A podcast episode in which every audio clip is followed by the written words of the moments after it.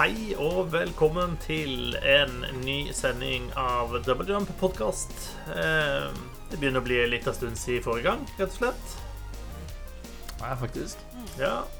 Det har vært litt, eh, litt korona og andre issues. Men nå er vi jaggu meg tilbake, i hvert fall tre av oss. Eh, For jeg er Marius Kjørmo her, og vi har med oss Susanne Berget Hallo, hallo. og Håvard Ruud. Hei sann, sa jeg. Så det er ikke verst bare det. Vi klarer å stable tre fjerdedeler av gjengen på, på beina til en ny podkast. Er dere friske og raske? Nei. Enn så lenge. Delvis frisk, eh, aldri rask. Høres, eh, høres ut som det er innafor, det, tenker jeg. Jeg syns det kunne vært mye verre. Ja, jeg kunne vært Ja. død. Ja, det, det Ja. Hadde det vært verre? Ja, For oss hadde det vært mye verre. ja, ikke for meg. Eh, Det det er en lystig start eh, på sendinga, føler jeg. Det er liksom viktig å- Når jeg jobbet i radio i gamle dager, så var det sånn Ja, vi må det er viktig å starte liksom sendinga liksom på et høyt nivå. Sant? Mye energi, og liksom sånn at vi drar med oss lytterne liksom ut i sendinga og gir liksom en god følelse av at her har de lyst til å være med videre. Og det, det, det syns vi skårte helt middels eh, på akkurat det i dag. Tidene forandrer seg, vet du, gammelen. Helt middels er jo ganske greit, da. Det kunne vært verre. Oi, oi, oi. Ja, uh, vi skal prøve å prate litt om dataspill vi har spilt i dag. Uh, vi har også en, en brukbar fyldig liste med nyhetssaker som vi skal innom også. Det har jo blant annet kommet i hvert fall én ganske stor annonsering i dag, som jo er ganske spennende. Um, men vi kan jo pra starte med litt sånn hva vi har spilt. Og Susanne, hva, hva er det det går i? Uh, ja, si det. Uh, nei, jeg har uh, fullført Horizon Forbidden West. Odd Karsten sto over meg og liksom maste på at jeg måtte peise meg gjennom main storyline så fort som mulig, sånn at han kunne få PlayStation til å spille Elden Ring på. Eh, så jeg har gjort det. Uh, er veldig fornøyd. Veldig spennende slutt. Uh, det kommer helt klart et spill til. som jeg gleder meg noe, noe veldig til. med tanke på hvordan det gikk, på, gikk i Forbidden West. Mm. Jeg har for så vidt tenkt meg fram til at det kommer et spill til. Og jeg, jeg tror nok jeg er ganske langt fra ferdig. Um, Hvilke mission er du på? Eh, hva var det siste hovedoppdraget jeg gjorde da? Jeg blir sidetracked hele tiden, vet du. Eller jeg jeg har kommet der dit hvor du får lov å velge hvor du skal gå for å ta neste hovedoppdrag. Oi da. OK. Ja, du er der. Mm. Så, så jeg har, har, har nok en del igjen. Eh, Um, ja. Fordi det ene oppdraget der er level 17. Mm, Så er det 22 og 24. Um, ja, sånn. er, er level 40. og Ja, har jeg- liksom skynda meg. Ja, da er jeg halv, halvparten, da, hvis jeg skynder meg. Omtrent. Uh, uh, jeg ja. Tipper det Grunnen til at jeg har skjønt at det kommer et nytt spill, er at det heter eh, Forbidden West. Så tipper jeg vi skal innom nord, sør og øst også. Eller kanskje nord og sør, for vi var vel strengt talt i øst. ja, vi starter jo i Østen, og så det, nå er det i Vesten. Og så Ja. Jeg håper det er neste sånn Welcoming North og Accessible South, eller noe sånt. da. Eh, At Ja, det er litt, det hadde mer, vært eh, litt mer straightforward. Men teknisk sett så er vi vel nord i Frozen Wilds. Ja, sant. Ja, så nå, en, eh, eh, så nå tar vi turen sørover til Nå skal vi feire til Mexico, for å si det sånn. Eh, sa, Succulent sound. ja, eh, soundtrack er utelukkende Kari Bremnes. Ja, jeg tror feire til Mexico er oppskrytt, fordi jeg har hørt at der må du smøre matpakka di sjøl. Eh, eller kanskje det var de som ikke dro til Mexico, som burde det. Ja, det er de som blir igjen hjemme, som er noen jævla idioter. Eh, Stemmer. ja. Men ja, nei, det, det kommer helt Det kommer et spill til, det må det jo, med den slutten. Jeg har ikke lyst til å si for mye, eh, fordi Nei takk. Ja, fordi jeg har ikke lyst til å spoile ting. Men uh, jeg ble overraska. det, det skjedde en del ting og tang som jeg ikke hadde på en måte forutsett, da. Uh, og det syns jeg er veldig kult. Eh, jeg blir veldig Av en eller annen grunn så blir jeg veldig fornøyd når jeg tar feil. Eh, spesielt Mm. når det kommer til liksom, fantasy og science fiction og sånne ting. Eh, bare fordi jeg har, jeg har lest så himla mye. jeg vet alt. Neida, eh, så det Been around. Ja. Jeg har vært Så ute- blest. ute før. Dette er ikke min uh, første, sp første spill-rodeo, for å si det sånn. Eh, Orakelet fra Sørlandet. ja. Eh, nei, men jeg, altså, jeg har storkost meg med, med det her spillet og kommer til å fortsette å spille det selv om jeg liksom, teknisk sett er ferdig. Det er jo masse sideoppdrag jeg ikke har gjort, og uh, masse, masse maskiner jeg ikke har turt å prøve meg på engang. Uh, Mm. eh, blant annet uh, en liten hyggelig kar som heter Slaughter Spine. Ja, ikke sant. som, som jeg så, og så skanna jeg den, og så tenkte jeg bare ja, nei. Går, går rundt denne Ja. jeg, jeg, jeg føler det er flere og større roboter i uh, Forbidden West enn det var i eneren. Mm, ja, ja, de har definitivt uh, rampa opp eh, produksjonen, som det heter på godt norsk.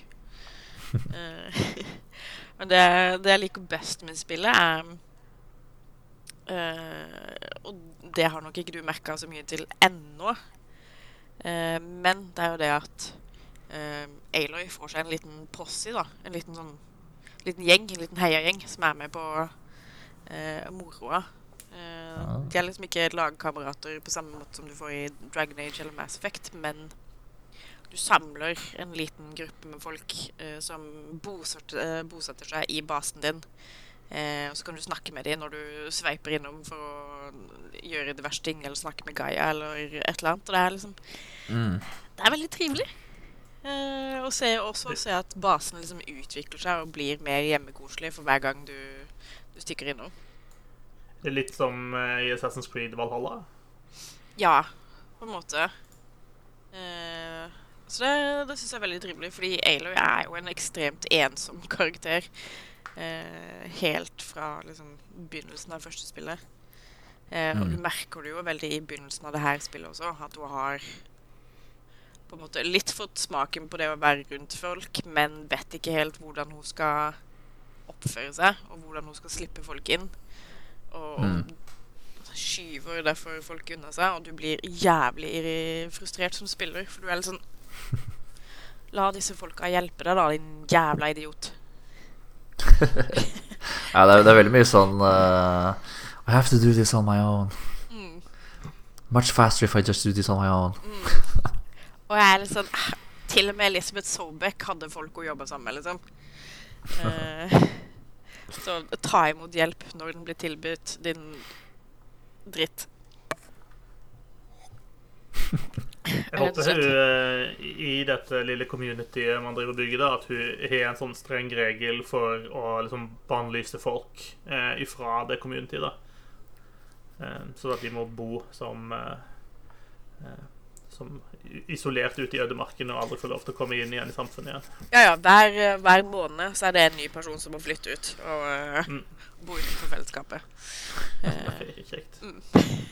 og så må de gjennom en sånn test for å få lov til å flytte inn i det. Det er litt sånn Eh. Paradise Hotel-opplegg. Man stemmer ut igjen hver måned. Som, uh, Ja. Mm. Mm. Ja, men jeg har, jeg har kost meg veldig med spillet. Eh, det har vært noen intense og frustrerende bossfighter. Eh, som jeg jo jeg har kommet meg gjennom etter mye, mye banning og mye Ja. Men det, det som har irritert meg mest med spillet, er at jeg har prøvd å spille som en litt sånn kriger, da. En person som bruker staven eh, hun har, eller spydet hun har, mer enn bua.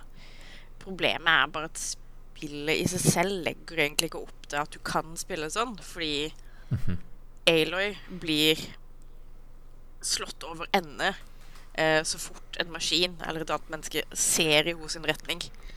Og så Mm. har hun en liten sånn Å nei, nå er jeg på bakken-animasjon, og så tar det dritlang tid før hun kommer seg opp igjen. Og hvis du da blir truffet av et eller annet, så blir du liksom stuck i en sånn kontinuerlig stagger, da.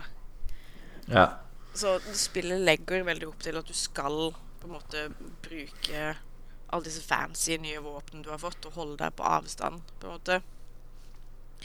Eh, og det er Jeg føler det er, er regelen liksom uansett hva slags type fiende du du prøver deg på, da. Eh, og det har irritert meg litt, fordi det er ikke helt sånn jeg har lyst til å spille. Men jeg kom meg nå igjennom. Mm. Og det er mange nye gøye våpen og mye fancy du kan gjøre, så jeg skjønner jo at de vil på en måte tvinge deg til å liksom teste ut alle disse tingene de har brukt tid på å, å brainstorme og designe og programmere og hele pakka. Så Jeg tror det er ganske ofte at uh, spillutviklere liksom lager til et sånt bredt spekter av våpen og abilities i et spill, og så går masse folk bare gjennom spillet med liksom den første øksa du får delt ut, liksom, og bare 'Jeg syns den funker greit, jeg'. Ja. Mm. ja. Men eh, spillet holds up eh, hele veien igjennom. Du, du er godt nøyd med opplevelsen. mm, ja, jeg syns Jeg syns eh, alle de tingene jeg sa etter at jeg hadde spilt liksom 5% av spillet, stemmer på en måte gjennom hele. Eh, det er noen småbugs og noen glitches og noe tjo og noe hei, og noen av disse samtalene, eller cutscene-samtalene du må ha, er kanskje litt for lange. Eh, Enig. jeg skulle kanskje ønske at de kunne avsløre informasjon på litt andre måter av og til. Eh, fordi jeg merka at jeg mista litt liksom, fokus eh, når det tok for lang tid. Det kan være det er liksom koronahjerne. Eh, og ikke det at cutscenene nødvendigvis er dårlige eller kjedelige. Det er bare Jeg greier liksom ikke å følge med når folk snakker for lenge. Ja, da må jeg kjenne meg helt igjen. Ja. Eh, som er litt ironisk når jeg er liksom fast medlem i en podkast. Men eh, Herved legger vi ned eh, Double Jump som podkast og gjenoppstår utelukkende som TikTok-kanal eh, Ja. med maks eh, ti sekunder posts. Ja. Mm. Eh, men bortsett fra liksom småplukk, da, eh, så likte jeg spillet kjempegodt. Og det Jeg føler det scorer ganske høyt. Type mm, i hvert fall åtte. Kanskje Kanskje ni. Mm. Åtte og en halv. Åtte og en halv, ni. Et eller annet sted der. Det høres jo bra ut, det. Mm. Jeg hevder. Ja, nei, men Så bra. Så gøy at det, at det er moro hele veien igjennom. Det, og du var fornøyd med slutten, skjønte jeg også. Det er jo ikke Det er det jo slett ikke alle som klarer å levere.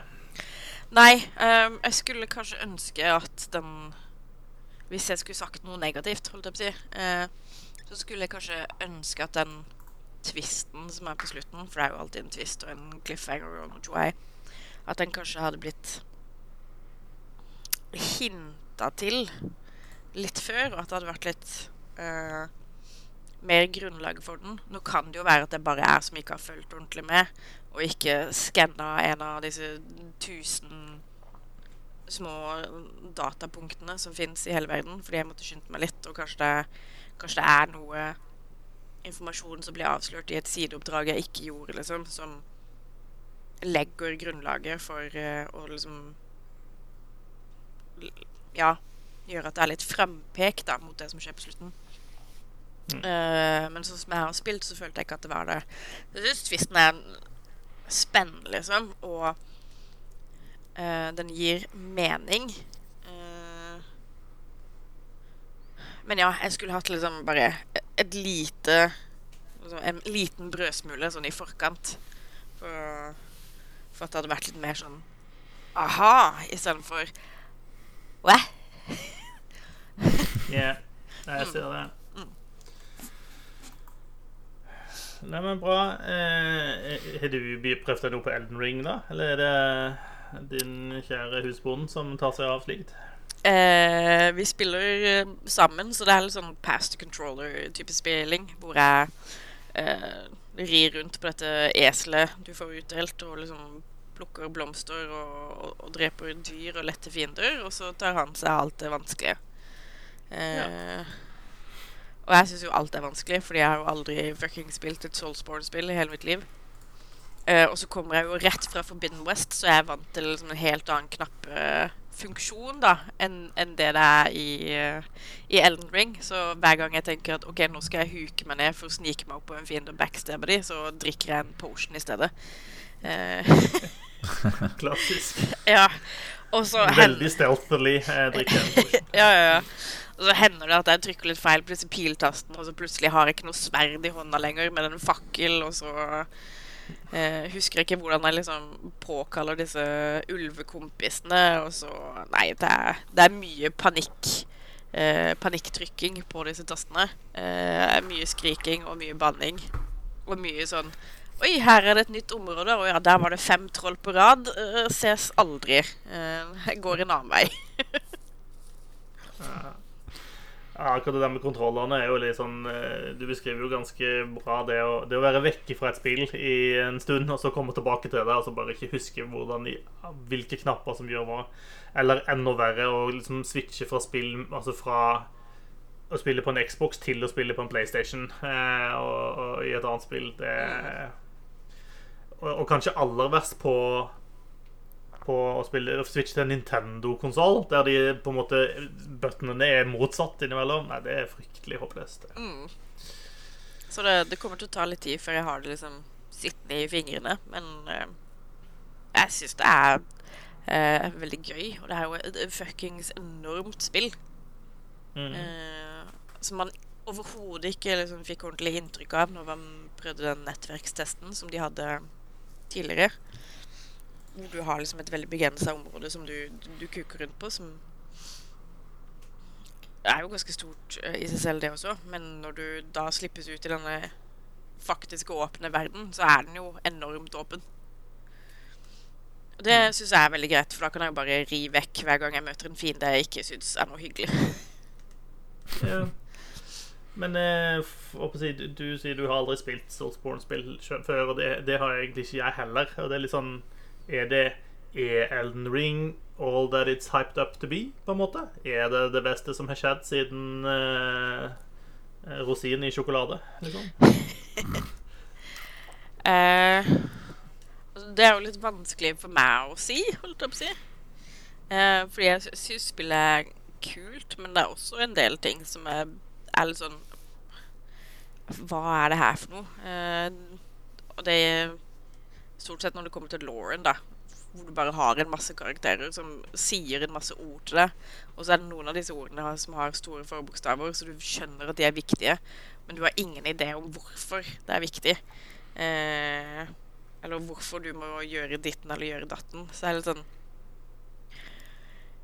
så sånn historiemessig så, så er det vanskelig å si om hva dette her er for noe. Men sånn Verden, verden er kjempestor, veldig pen, veldig variert. Fiendene er jævla stygge uh, og skumle, og jeg hater alt. Uh, men jeg antar at det er bra.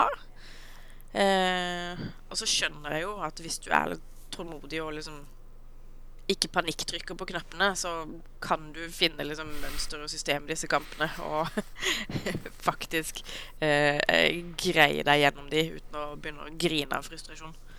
Eh, Mm. Og Odd Karsten er jo kjempe-Soulsborne-fan, og han syns det er kjempegøy å spille, så jeg, Ja, jeg, jeg føler at hypen er vel fortjent, og det ser man jo litt på liksom, alle anmeldelsene som har ramla inn også. Mm. Det er jo veldig unisont, føler jeg. Absolutt. Mm. Nei, men bra. Da har du noe å henge fingrene i. Det er ikke noe annet du har drevet på med den siste tida. Det, det er det godt i. Ja Kanskje det blir noe uh, Tiny Tines Wonderland i, i helga. For det kommer jo Det- ut på fredag, mener jeg. Stemmer. Det, det er jeg spent på, altså. Samme dag som Kirby. Ja, hva, hva skal jeg velge? Hei, hei. Kom ikke, kom ikke det Ghostwire Tokyo også ut uh, til helga? oi. OK. Ja, nå begynner det å bli faktisk litt Ah. Jesus Christ. Jeg skulle ønske spillutviklere kunne, og liksom utgivere kunne samkjøre litt mer når de gir ut spill. Og at ikke alt kom samtidig. Ja Ja. Det er jo eh, enig. Samtidig så kan det jo tenkes at man ikke så veldig mange tenker at Ghostwire Tokyo og Kirby eh, på en måte overlapper i så stor grad at det, det er et problem. Men eh, altså. I don't know. Uh, hva med deg, Håvard? Uh, nei, liksom av nytt så har jeg eh, Jeg har prøvd eh, de nye banene til Mario Kart 8 Deluxe.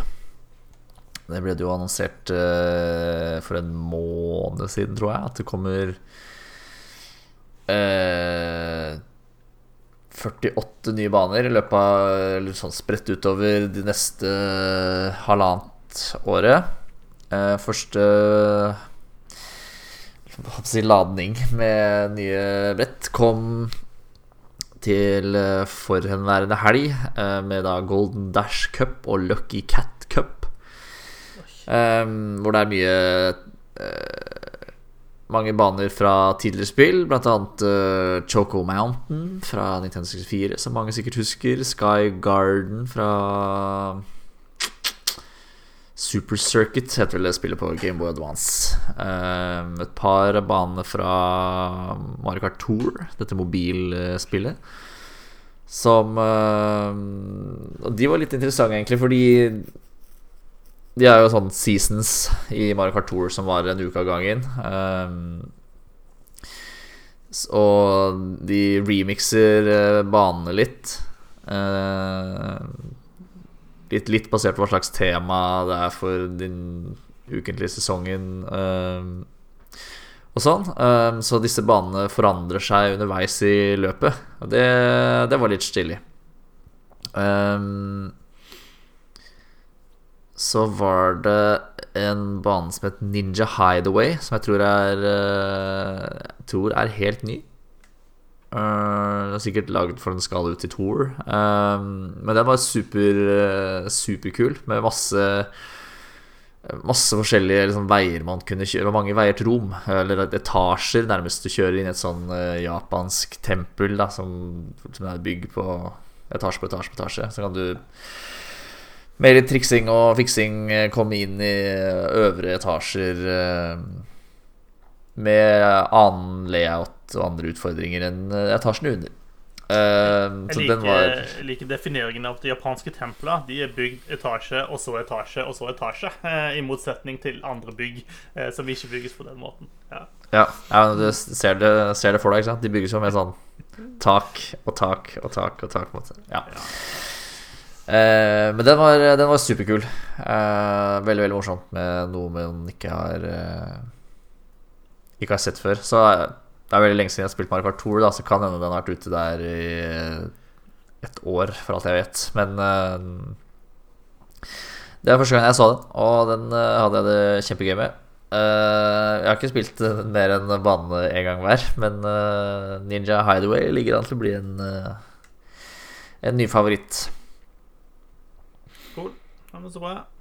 Så vet jeg ikke helt når Jeg tror ikke det er Jan annonsert heller når neste Neste runde med baner kommer, men eh, sikkert nærmere sommeren, tenker jeg. Vil du si Nintendo gjør en god jobb med å liksom, lage innhold og holde liv i Mario Kart? Eh, ja, det syns jeg egentlig. Eh, å bare droppe sånn 48 baner eh, tilsvarer jo nesten et helt nytt Mario Kart-spill, på en måte. Um, og de har lagt uh, har lagt ganske mye jobb i å eh, modernisere de gamle banene, da. Um, særlig de fra Gameboy Advance, eksempel, har jo så jo veldig 2D ut. Um, men nå har jeg fått masse gjort masse jobb med de, så nå er det jo høydeforskjeller og hopp og spretting og Alt mulig. Så det, det er ikke liksom bare copy-paste eh, av gammelt innhold. Så jeg eh, Jeg er fornøyd med, med dette. Og det gir jo mening også. Det er jo det mestselgende spillet på Switch. Eh, så hvis de får da alle de som har kjøpt Mario Kart én gang allerede, til å kjøpe Kjøpe en sånn der booster course pass, så ligger det noen grunker i det for, eh, for Nintendo.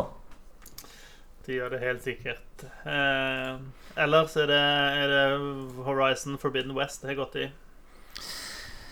Eh, ja, Ja, ja, den er god. det er det. Er du, er, du, er du ferdig med Forsa? Er det nå done and dusted?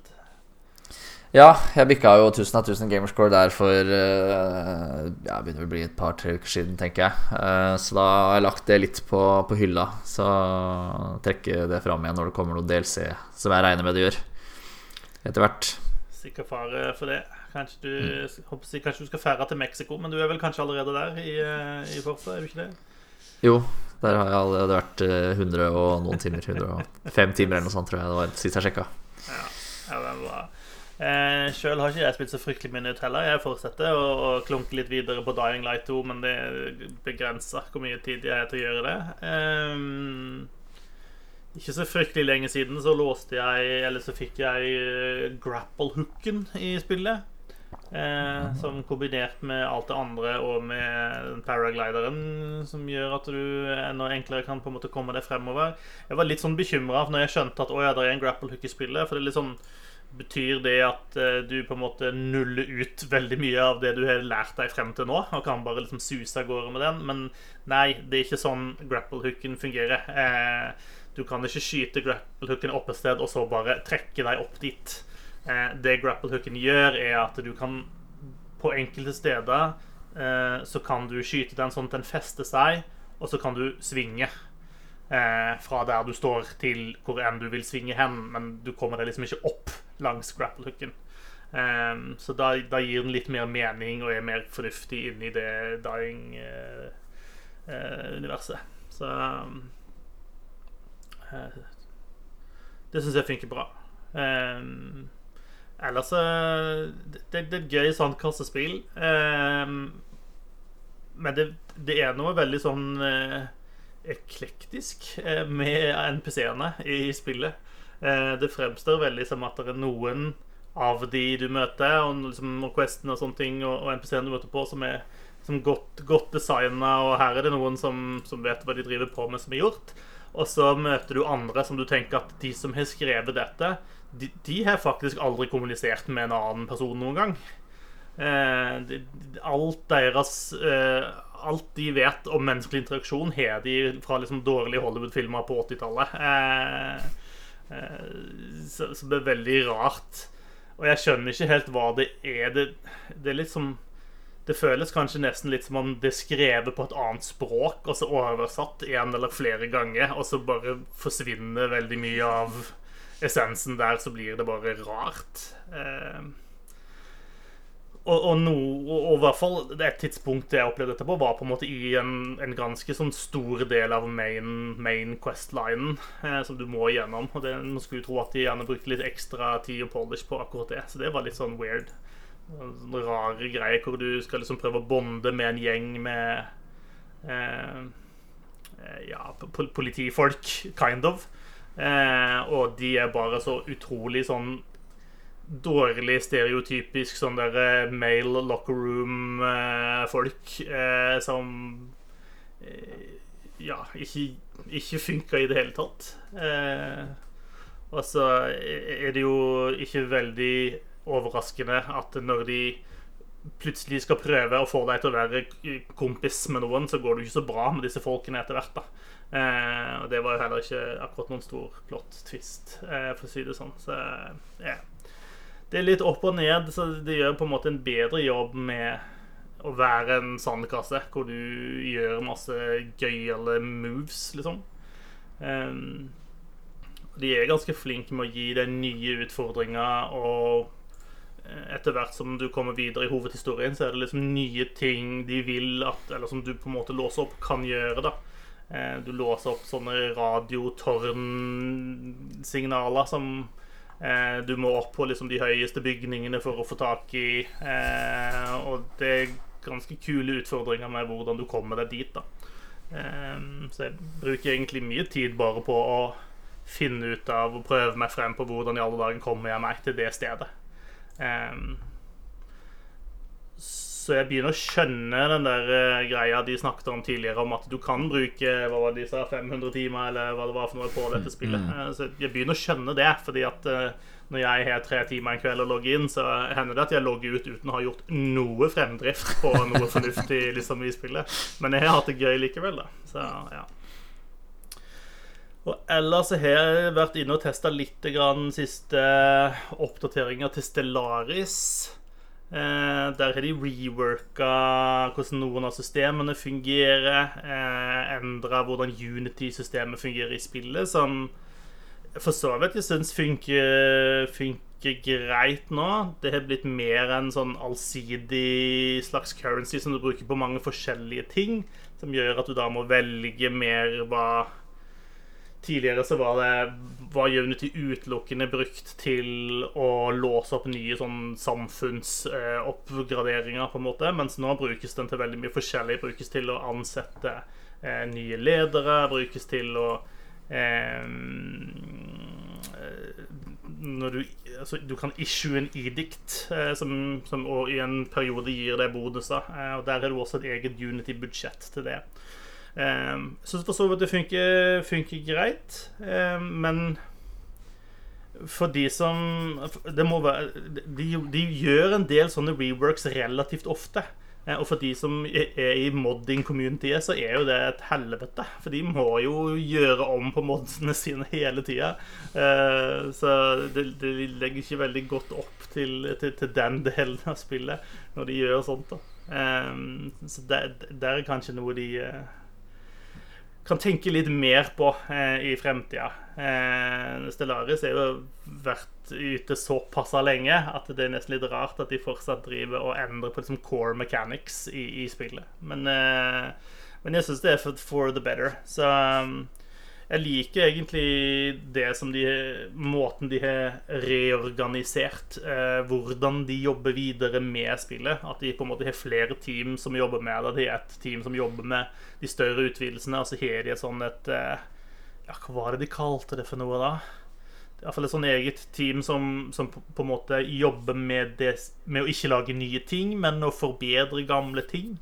Eh, og, men som også på en måte lager nytt innhold til gamle DLC-er, som er litt, litt rart, men som jo er veldig Gir jo på en måte en ekstra Det er jo gøy for oss som har kjøpt alle DLC-ene anyway, på en måte. Eh, plutselig så var det Å, nå var det en ny greie til den DLC-en. Ja, det var litt kult. Så de, de, de, tar godt vare på spillet og spillerne sine, da. Det syns jeg er kult. Så um, det lover bra for fremtida, og jeg tror at et nytt et Stellaris 2, når det en gang kommer, tror jeg kommer til å bli kjempebra.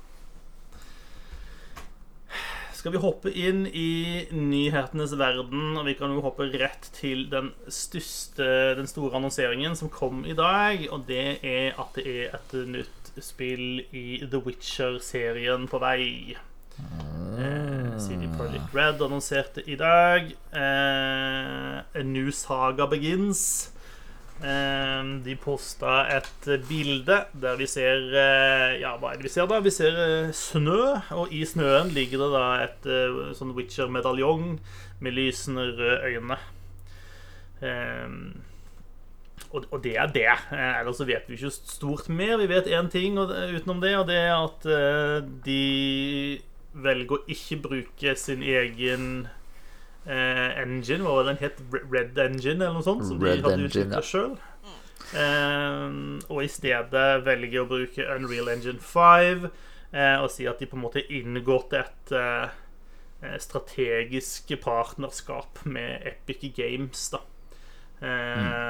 Og at de skal, de skal, bruke Unreal Engine 5, og at de skal på en måte samarbeide da om utviklingen av den og litt sånne ting. Eh, altså var de kjapt ute på Twitter, liksom, for det var noen som spurte om betyr dette at da blir The Witcher bare tilgjengelig i Epic Games Store, og det var de ganske kjapt ute og sa at nei, eh, vi kommer ikke til å låse oss til én plattform. Så Hva tenker vi? Eh, Eh, sikkert lurt å gå vekk fra Red Engine. Det er ikke sånn kjempebra forrige gang de brukte Red Engine til å lage spill. Nei, men hva betyr dette for Cyberpunk, da? Tenker vi at det, det er litt sånn kroken på døra? Nå skal de fokusere heller på å lage neste The Witcher, og Cyberpunk er unsalvageable på mange måter. Jeg tror ikke det får en oppfølger, for å si det sånn. Enten, så er det den serien bare legges i glemmeboka så fort som mulig, eller så er Cyberpunk 2077 et avsluttet kapittel. Ikke så dårlig at det bare er sånn Fuck it. La oss uh, lage et kickass Witcher-spill, og så begynne å tenke på Cyberpunk 2078 uh, i stedet. Sørge for at det blir bra. Eller, men uh, for min del så må vel jeg prøve å gjøre et nytt forsøk på å spille Witcher 3, da. Ja, samme her. Jeg tror jeg starta to ganger, spilt ti timer omtrent begge gangene, og så stoppa. Jeg tror jeg bare må spille det på liksom superduper easy, og så Mm. peise meg gjennom. Ja. Dere har noen timer foran dere der. Ja. Jeg skulle ønske folk, eh, folk kunne lage kortere spill. Det hadde vært fint. Jeg trenger bare fem-seks timer med innhold. Uh, ikke noe mer enn det. Please. Men, uh, men hvis vi skal tillate oss å spekulere lite grann uh, For på denne posteren de hadde, så har de altså taglinen 'A new saga begins'. Hva betyr det? Betyr det at vi på en måte går bort ifra det som har skjedd tidligere? Betyr det at vi ikke At det ikke lenger er The Witcher eh, vi skal spille? At vi ikke skal være Geralt, men at vi skal kanskje være noen andre? Kan jo være vi skal være yeah. Siri, kanskje? Eller så er det satt liksom sånn 100 år frem i tid. Eh, eller et eller annet, og alt er gått til helvete. Og så er det en ny Ny generasjon med witchere som er ute på tur. Og trasker rundt. Ja, jeg tolker det dit hen at det ikke er uh, Geralt som er hovedrollen. Uten at jeg har noe grunnlag for å tro det, uten at uh, A New Saga Begins. Uh, og så tror jeg de hadde nevnt det i pressemeldinga hvis, de, hvis man skulle spille som uh, Geralt. Ja, jeg ser jo for meg føles som det er at, no, eh, noe de holder hemmelig her. Ja, jeg ser jo for meg at Geralt kan ta på seg rollen til Vesemir, eller et eller annet sånt. Mm, mm. Og så er det ny Witcher. Kanskje Kanskje det er Jaskier som er ute på trubadurturné. trubadur-turné. Fy faen. Hire this woman. Ja, nei, Vi får se. Det blir jo spennende. Det er vel, eh, Sannsynligheten er vel stor for at det tar eh, lang tid eh, før eh, dette Witcher-spillet blir tilgjengelig. Eh, og vi snakker nok eh, flere år eh, før, før det kommer. Ja, altså hvis det det tar mindre enn tre år, så kommer det ikke til å være et bra spill. Med mindre de har liksom jobba på det i tandem med Cyberpunk, som kanskje forklarer hvorfor Cyberpunk er trash, men eh, Men jeg ser jo for meg at i hvert fall fire år, kanskje fem. Eh, og hvis det skjer noe tidligere enn det, så kommer det ikke til å bli bra. Mm. Men da håper jeg at det er fem år med fornuftige timer, og ikke liksom fem år hvor liksom 45-50-60 av tida er crunch, liksom. Mm. Jeg venter heller fem år uh, enn med, med å la utviklerne få fornuftig arbeidstid enn uh, tre år med, med crunch. Agreed. Um, det er krig i verden. For de som ikke skulle ha fått med seg ennå det, har nettopp tuna inn til Double Jump for siste nyheter om slike ting. Um, og uh, gaming-communityet, de uh, har vært ganske flinke de senere årene på å samle inn penger til ulike veldedige formål. det er på en måte blitt en ganske stor greie. Og nå er det ikke bare idealistiske streamere som driver på med dette, men også den mer etablerte delen av spillindustrien. Både Humble Store, Itch.io og Itch.io har hatt store kampanjer der de har, har fått, folk, fått utviklere med på å lage store sånn spillbundles, uh, der, der, alle all fortjenesten går til um, ulike veldedige organisasjoner eh, knyttet til arbeidet i, i Ukraina. Uh, og nylig så var også Epic Games og Xbox sammen ute og annonserte at de ville donere all inntjenelsen fra Fortnite mellom 20. mars og 3. april eh, til det samme. Eh, og frem til nå, og det er altså en Eh, ja, frem til nå så har de altså da dratt inn 36 millioner dollar eh, på det. Eh, I tillegg til da 10,6 millioner dollar fra Humble Bundle og 6,3 fra Itch.io, så det liksom begynner å bli seriøse summer, da, i hvert fall, som faktisk kan do some good. Um, til uh, en, en, en, rekke av, av, ulike foreninger som uh, jobber for å hjelpe de som trenger det mest. Mm. Så jeg syns det er ganske kult at også de som vanligvis lever av å, tjene penger på, på spill, kan bidra. Det er kudos, tenker jeg. Mm. Sony fortsetter å eh, kjøpe opp litt sånn studioer her og der. Eh, de har nylig annonsert at eh, de kjøper Haven Studios. Et studio som vel ikke har gitt ut noen ting ennå. Det er da Jade Raymond sitt studio. Hun er kanskje mest kjent fra sin tid i Ubisoft, da hun vel var en av på en måte hovedpersonene bak Assassin's Creed-serien når den begynte. Uh, og så har hun vandra litt rundt forbi til litt forskjellige ting. Jeg tror hun hadde en Var det i Stadia hun hadde en, en, en rolle som det, det, ble jo kanskje ikke helt det hun hadde sett for seg. Eh, Starta så Haven Studios, og nå har PlayStation da annonsert at de kjøper det. Eh, de jobber da eh, på nåværende tidspunkt med en eh, triple A multiplayer experience, er det vi vet om det. Så hva det blir for noe, vet vi ikke, men mer første First Party-spill på, på, PlayStation da, en eller annen gang i fremtiden. Haven Studios er for øvrig en ganske obnoxious nettside. Det går an å sjekke hvis dere vil. Sånn nå fikk jeg kjempelyst til det. interaktiv, en interaktiv greie med hvor du får nye sånne uh, kjipe slogans uh, hver gang du går inn i en ny portal. Ja, nei, ja. Jeg fikk litt kreft av den, eh, lov å si. Netflix de fortsetter sin runde mm, rundgang med dataspill i i eh, TV-serieformat. Eh, de har annonsert en eh, anime-serie basert på Tekken. Tekken Bloodline. Den kommer og skal slippes en gang i år. Det skal være hovedfokus på Jin Kazama for de som er Tekken aficionados. Jeg føler navnet ringer en bjelle, men det, det, stopper, det, stopper der for meg også. Ja.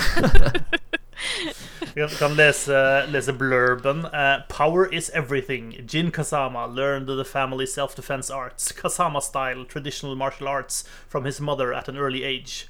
Even so, he was powerless when a monstrous evil suddenly appeared, destroying everything dear to him, changing his life forever. Angry at himself for being unable to stop it, Jin vowed revenge and sought absolute power to exact it. His quest will lead to the ultimate battle on the global stage, the King of Iron Fist tournament. Yeah. Wow. Ja. Det høres ut som Tekken. Eh, det- Ja. Så I don't know. Det kan jo bli artig, det, for så vidt. Eh, Jeg, jeg synes, eh, synes det er gøy eh, at disse, sånn, sånne type ting kommer Samt som TV-serie. Eh, så I, I welcome it. Og Netflix har jo en ganske bra track record etter hvert også på disse tingene. Absolutt. Um, I samme åndedrag, holdt jeg på å si. eh, Netflix jobber jo også med en live action Resident Evil-serie. Eh, den har det nå blitt annonsert at eh, kommer til sommeren. Eh, 14. juli.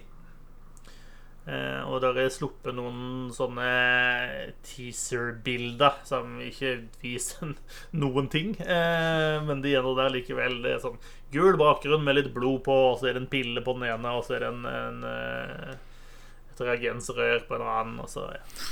Ja, det er alt du, alt du trenger det, for, for å lage en Resident Evil. Uh, Ja, Ja. det, det stemmer nok.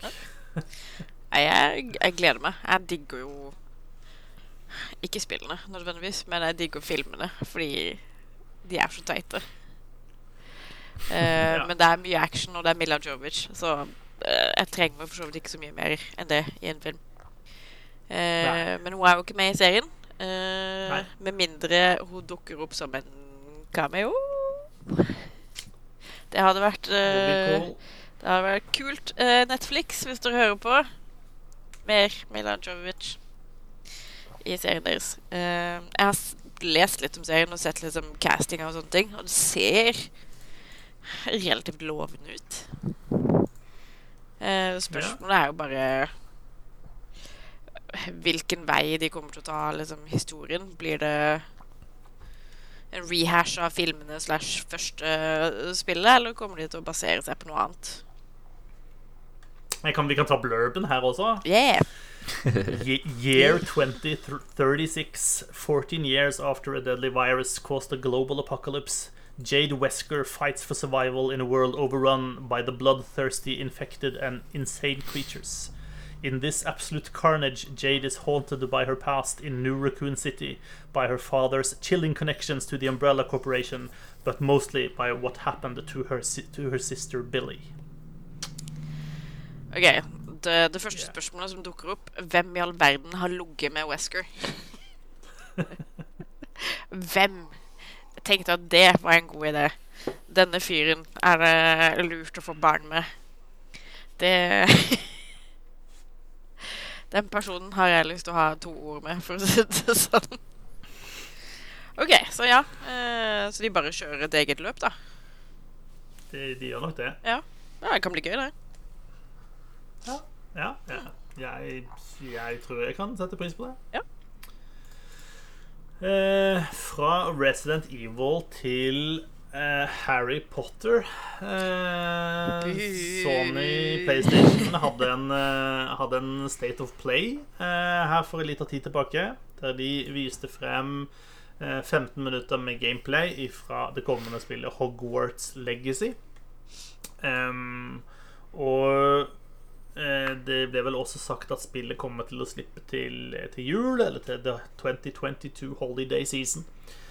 Ehm, og det vi fikk se av spillet, er jo Jeg vil jo, gjerne, jeg vil jo kalle det ambisiøst, i hvert fall. Det virker jo som om eh, de er liksom all in på å lage et, et ordentlig spill her. Det er ikke bare en liksom quick cash grab eh, på Harry Potter-universet.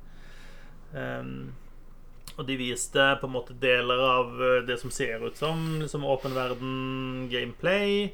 Eh, en del åpenbare narrative ting. De viste en del combat.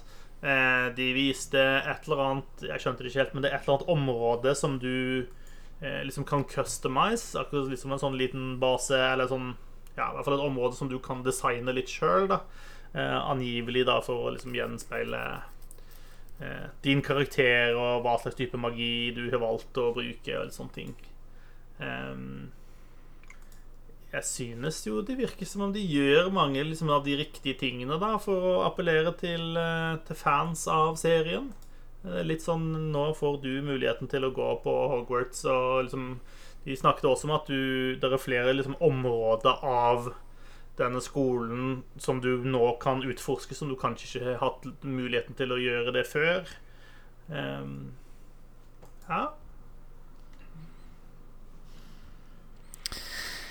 Ja, de skal jo ha for å eh, være ambisiøse, i hvert fall. Ja, men jeg føler jo kanskje de burde tenkt seg en gang eller to om før de valgte å gå for den historien og det plottet de har gått for. Som, som tilsynelatende virker å være at du som elev på Hogwarts skal, skal, skal stoppe disse eh, goblinene, eller alvene, som jobber på kjøkkenet og rundt omkring på Hogwarts, som basically er slaver. Eh, du skal stoppe de fra å kreve eh, rettigheter. Eh, og ikke bare er de i slaver, men du har jo også en del sånn litt kjipe antisemittiske stereotyper i de som driver banken, f.eks. Og de eh, blir nok De har på en måte bare blitt dratt enda lenger i det her spillet. Fordi de, nå har de også begynt å stjele barn. Uh, så jeg er litt sånn oh, Uh, Ja, det kan være at spillet ser, ser kult ut og sånne ting, men jeg, kommer Personlig så kommer jeg ikke til å ta i det med ildtang. Det Nei. ting har gått litt for langt med Holdt jeg på å si godeste JK, som nå er liksom åpenlyst eh, transfobisk. Hun har blitt helt unhinged. Eh, det, er, det er liksom ikke subtilt lenger, eller noe du kan forklare bort. Nå er hun bare Hun er på krigsstien. eh, Og blir på en måte også sitert i mange av disse helt sprø lovforslagene de kommer med i bl.a. Texas og Tennessee, eh, som har med transpersoner og transbarn i hovedsak å gjøre, da. Eh, så jeg føler at det blir helt feil å støtte noe som helst som hun står for, med, med penger. Eh, og man kan jo si at dette er kjipt for utviklerne, som har jobba hardt på spillet, og som sikkert har gjort en kjempegod jobb, men så vidt jeg har skjønt, så har de allerede fått betalt. De får ikke noe cut av det spillet faktisk tjener når eh, når det kommer for salg, fordi det er en del av produksjonskostnadene, altså lønn. Eh, så nei. Uh, uh, takk, men uh, nei takk. For min del. Ja. Nei, det er, det er mye problematisk både med JK Rowling som person og Harry Potter-kildematerialet som, eh, som de jobber med til dette her. Um, enig i det. Og så er det jo litt sånn Man kunne jo håpet at de kunne bruke dette spillet til å prøve å, snu litt på, på de tingene som er problematisk i kildematerialet. Eh, og kanskje også med JK Rowling, for den saks skyld. Eh, men som du peker på, så er det ikke så fryktelig mye som tyder på at de har klart å få til det, da. I den grad de har hatt et ønske om å gjøre det. Så ja, vi får bare se hva det der ender opp med til slutt. Em, en annen litt uh, ja, kuriositet uh, Jeg vet ikke om dere husker for en tid tilbake uh, så ble det så annonserte Ubisoft et spill som fikk det kule navnet X-Defiant. som vi diskuterte, som var veldig sånn fargerikt, og det er seks mot seks shooter, og det var ulike fraksjoner og sånt. Og det skulle være Tom Clancy-spill, noe vi reagerte på når vi diskuterte det forrige gang. Eh, nå har de Ubisoft har bestemt at vi dropper Tom Clancy-navnet fra spillet. Ja. Eh, for de også har tydeligvis innsett etter hvert at dette, den Altså Tom Clancy-linken er ganske tynn på en del spill de lager allerede. Eh, og her har selv Ubisoft innsett at det der, her ble faktisk strikken tøyd for langt. Eh, fordi at uh, her, her dikter de opp nye fraksjoner og nye, altså såpass mye ting som har absolutt ingenting med Tom Clancy sine skriverier å gjøre. Så Og så er det liksom den, Det er ingen i den nye generasjonen med gamere som vet hvem Tom Clancy er. Det er ikke, også. det er ikke trekkplaster lenger. Det er liksom uh, Bare la det ligge, Ubisoft. Og det tror jeg kanskje jeg nevnte sist gang vi snakka om det også, at det er på tide å legge det navnet dødt. Eh, så eh, bra at Ubisoft hørte på meg eh, angående det. Håper jeg de hører på meg for andre gode ideer. Sånn type Jeg vet ikke, behandle alle sine ansatte med respekt. Eh, la, Vi, vi, sender faktura. ja, la utviklerne fagforene seg, osv., osv. Hadde vært hyggelig. Så det var en eh, YouTube-kommentar som eh, omtalte uh, X-Defiant som eh, et spill eh, Det ser ut som et spill som eh, noen ville spilt i bakgrunnen i en eh, film. Eh, Det- Og er det det spillet som uh, Thor spiller i, uh, når han er, blitt uh, en sånn ubrukelig gamer-fyr i Marvel-filmene? Hmm. Kan være noe sånt. Um, ja, nei, jeg tenker at det er sikkert fornuftig av de å gjøre. Uh, og som du sier, det er Tom Clancy-navnet. Det er litt sånn hva, hva betyr det lenger, på en måte? Uh, og hvem har et forhold til det? Uh, så jeg tenker, Det er jo noen andre som gjør dette. Det er vel en herr Sid Meyer som har en tendens til å putte navnet sitt på spill også. Og det er også litt sånn der Ja, det er Vi er snart 40 pluss, liksom, vi som vet hvem den personen er.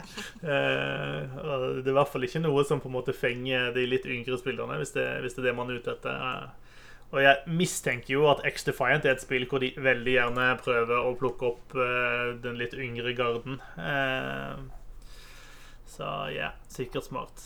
Um, Helt til slutt eh, Det ble også sluppet en ny Jeg vet ikke hva jeg skal kalle det engang. En ny video angående Starfield. Eh, De har jo en sånn, eh, sånn rar sånn der drypp-strategi for, for hvordan de ruller ut informasjon. Og Det var litt sånn en video hvor du får vite ganske Du får vite mye og ingenting på en og samme tid, på en måte. Eh, de har en Altså, jeg, jeg er ikke noe glad i formatet som de bruker. Altså, de har da fire utviklere. Todd Howard er da en av de.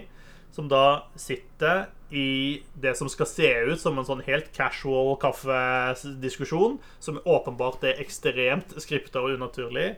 Eh, der de da skal liksom prate litt sånn løst og fast om forskjellige ting i, Starfield. Eh, uten at du får se noen ting fra spillet, på en måte. Men bare at de som sitter og, og prater og de prater liksom ikke i detaljer i spillet, men de prater litt sånn i visjoner og litt sånn ting vi tenker. Og, eh, og så kommer det jo på en måte noen ting igjennom der når du hører på dem. Samtidig så føles alt så vagt at de, det kan egentlig bety litt eh, hva de vil, på en måte. Eh, men de prater En ting som jeg syns, jeg syns var tydelig nok til at det går an å ta tak i, var at de prater om de ulike fraksjonene i spillet. Eh, og De har jo allerede annonsert noen av de. Og så nevner de da noe som tilsynelatende er en sånn skurkefraksjon. Altså tenk eh, liksom Raiders i Fallout, på en måte. Altså en, sånn, en gjeng som er slemme. Eh, og så går det ganske langt på en måte i å si at du, du bør jo kunne joine de også, hvis du vil det. Eh, og at det liksom åpner for at du kan spille som kjempeskurk, men så var det også liksom noe om at ja, men du, hva om du har lyst til å være snill, men først fortsatt har lyst til å joine de? Kanskje du kan joine de som en sånn slags sånn undercover cop, på en måte, eller noe sånt i den duren. Så, så det ble litt diffust, men eh, jeg liker på en måte tankegangen deres, i hvert fall om en sånn slags frihet for spilleren til å gjøre det spilleren har lyst til. Eh, det syns jeg er kult. Og de snakket litt om nettopp det om å embrace the chaos. Eh, og, og nettopp la, la nå spilleren få gjøre de rare tingene de har lyst til, og ikke eh, streamline opplevelsen for, for mye, da. Eh, så høres kult ut, I guess. Jeg har fortsatt ikke klart å liksom rappe hodet mitt rundt Starf, hvordan Starfield egentlig er. Hvordan de på en måte legger det opp, hva det kommer til å være. Men Jeg antar at det er noen stjerner involvert. Eh, Ja. Hvis ikke blir jeg jævlig sur. ja, det, Kanskje ja, noe det er falsk romskip. markedsføring. Ja. Mm. Romskip vet vi at det er, for det har de visst. Eh, så da blir det veldig dårlig stemning, hvis det ikke er det, i hvert fall. Ja. Eh, og på et eller annet tidspunkt så snakket de noe om karakterer, at jo, det, karakter, som det er viktig for liksom, opplevelsen at man møter interessante folk og sånn. Altså, sånn de får jo ikke vite noe mer enn det, men de viser, på et eller annet tidspunkt viste de et bilde viste de sånn der, en, De viser en robot, basically. Um, og en robot som så veldig robotete ut, og ikke veldig sånn eh, Hva kaller vi det? Eh, ikke veldig menneskeliggjort på noen måte. Men kanskje, kanskje det er en AI inni der som er interessant å ha noe med å gjøre. Who knows? Jeg er, sånn, jeg er fortsatt veldig hyped. Jeg har trua på at Starfield er kult. Og så er jeg bare litt sånn provosert på folk som vet masse digg om dette, og ikke bare kan si det til oss. Ja. Men det er sånn det Jævla unødvendig. Uh, send, Yes. uh, send et sint brev og en uh, Molotov-cocktail til dem. Yes, gjør det det. Har uh, vi, vi mer på nyhetslista, Håvard? Jeg tenkte vi kunne nevne at Fortnite fjerner bygging, i hvert fall i den uh, seriesen som pågår uh, nå. Jeg har sett uh, mye memes eh, om hvordan eh, de svette niåringene som bare driver og bygger seg inn i hus og sånn, nå skal eh, Nå ønskes velkommen til et ekte skytespill. Så ja, det skal bli, det skal bli gøy. Det skal være til å spille Fortnite eh, bare fordi de fjerner bygging. Men uh, det har vært gøy å høre fra noen som, uh, som spiller det litt aktivt, hvordan det, vil, hvordan det har påvirka spillet den drøye uka det skal foregå. da Jeg, jeg tror faktisk den der bygginga i Fortnite er en, en av de tingene som i størst grad på en måte har fremmedgjort det spillet for meg. da Eller gjort at jeg Ja. føler at mm, dette blir for dumt. Dette, dette kan ikke jeg forholde meg til. Ja, jeg, jeg, jeg er helt enig. Jeg orka ikke, orka ikke det. Men jeg har sett videoer av de som bygger, og de, de, de bygger jævlig fort. Jævlig mye trøkk, trøkking på, Ja, ja, ja. på knapper på lite tid. Skyskraper på 15 sekunder. Det er Mm. how, how it works. Du bygger etasje på etasje på etasje, vet du. Det, det er sånn det, det funker. Ja.